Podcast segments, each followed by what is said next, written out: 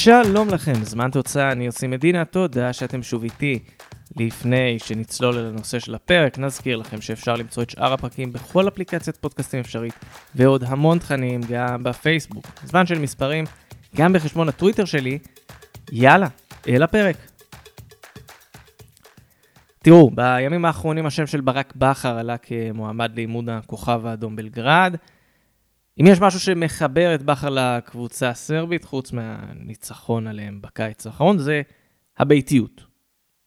כשברק בכר אימן את הפועל באר שבע, הוא קבע רצף של 54 משחקי בית ללא הפסד, הרצף הארוך ביותר אה, בתולדות הליגה הבכירה ללא הפסד ביתי.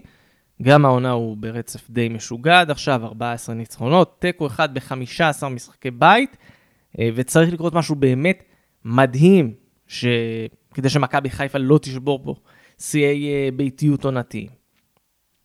עכשיו, אם הוא באמת ייקח על עצמו את התפקיד היוקרתי, ואני יודע שיש אוהדים של מכבי חיפה שחושבים שזה לא יוקרתי יחסית למכבי חיפה, בסדר.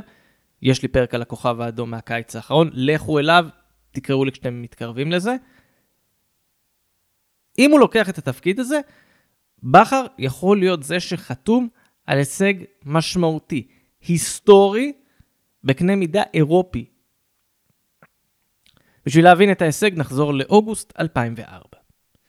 מחזור ראשון בעונה החדשה בליגה של סרביה ומונטנגרו, זוכרים שפעם שתיהן היו מדינה אחת? הכוכב האדום בלגרד הפסידה באותו משחק לבורץ צ'אצ'אק. ההפסד הדי מפתיע הזה קטע רצף של 96 משחקי בית ללא הפסד ליגה של הכוכב האדום. 96 משחקים.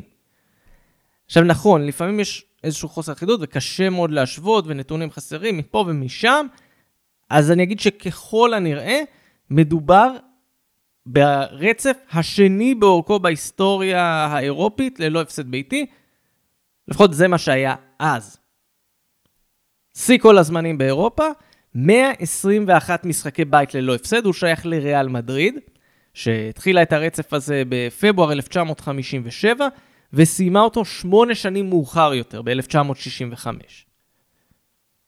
זה 25 משחקים, ההבדל בין שני השיאים, זה, זה די הרבה, זה עונה וחצי פחות או יותר, ורצפים כאלה בדרך כלל לא משוחזרים. לא כשאנחנו מדברים על הכוכב האדום. באפריל 2017, הכוכב האדום בלגרד אירחה דרבי מול פרטיזן, והפסידה 2-1. בחודש הזה היא מציינת 6 שנים להפסד ההוא, ולא סתם. לא סתם הם זוכרים את התאריך הזה. זה היה ההפסד הביתי האחרון שלה בליגה. וזה רצף דומיננטי בקטע מוגזם. בואו נעשה כרונולוגיה של האירועים. בתחילת העונה הנוכחית אירחה קבוצה בשם רדניק סורדוליצה והביסה אותה 6-0. הניצחון הזה האריך את הרצף שלה ל-97 משחקים, מה שלמעשה שבר את השיא של עצמה. חודש וחצי אחר כך, אחת אחת ביתי מול בצ'קה טופולה, משחק 100 ללא הפסד. קבוצה השנייה בסך הכל בהיסטוריה האירופית שמגיעה לרצף של 100 משחקי ליגה ביתיים ללא הפסד. במחזור האחרון היא ניצחה 4-2 את מלאדוס נוביסד, והרצף שלה עכשיו עומד על 108 משחקי בית ללא הפסד. מתוך 108 המשחקים האלה, עשרה הסתיימו בתיקו, כל השאר ניצחונות, זה באמת רצף משוגע. עד סוף העונה הנוכחית, נותרו לה שמונה משחקי בית, אז בואו נתחיל לעשות חשבון. אם היא לא תפסיד עד סוף העונה, היא תהיה על 116 משחקים. ואז מתחילה עונה חדשה. היא צריכה עוד שישה משחקים בתחילת העונה הבאה, כדי לשבור את השיא ההיסטורי של ריאל מדריד, שיא שכאמור מחזיק מעמד אה, בערך 60 שנה.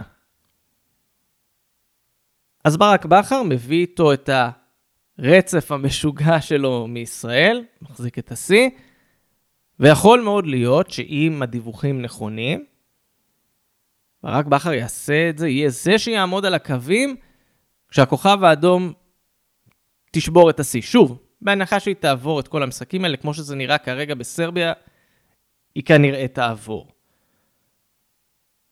אז האם הכוכב האדום בלגרד בדרך לשיא היסטורי? האם ברק בכר בדרך לשיא היסטורי? יכול להיות שהכל בכלל ספין, ועכשיו סתם חפרתי לכם על האם ברק בכר יעשה שיאים או דברים כאלה, אבל בסוף הכוכב האדום בלגרד עושה פה משהו באמת מדהים. קצת אגב שם באיזשהו קונטקסט מסוים, עד כמה קשה לנצח שם. הנה, שלא יגידו שאני לא מפרגן למכבי חיפה. אנחנו נעקוב אחרי השיא הזה, ונעקוב אחרי עוד הרבה מאוד דברים, כי אם זה, זה יישבר, זה הולך להיות שיא היסטורי והיסטרי.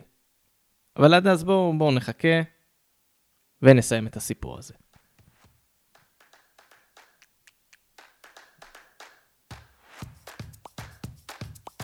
אז זה היה עוד פרק של זמן תוצאה. אני יוסי מדינה, תודה שהייתם איתי. כאמור, אנחנו בכל אפליקציית פודקאסטים אפשרית, חפשו זמן של מספרים בפייסבוק, אל תשכחו את חשבון הטוויטר שלי, הכל שם. אני כבר מחכה לשמוע מכם תגובות, תהיות, רעיונות לפרקים, הבמה שלכם והיא לגמרי פתוחה. פרק אחרון לפני היציאה לחופשת פסח של כולם. אני לא יוצא לחופשת פסח, יהיה לכם פרק ביום חמישי אחרי הליל, ליל הסדר, אז תחכו לזה. ולכן, יהיו עוד פרקים.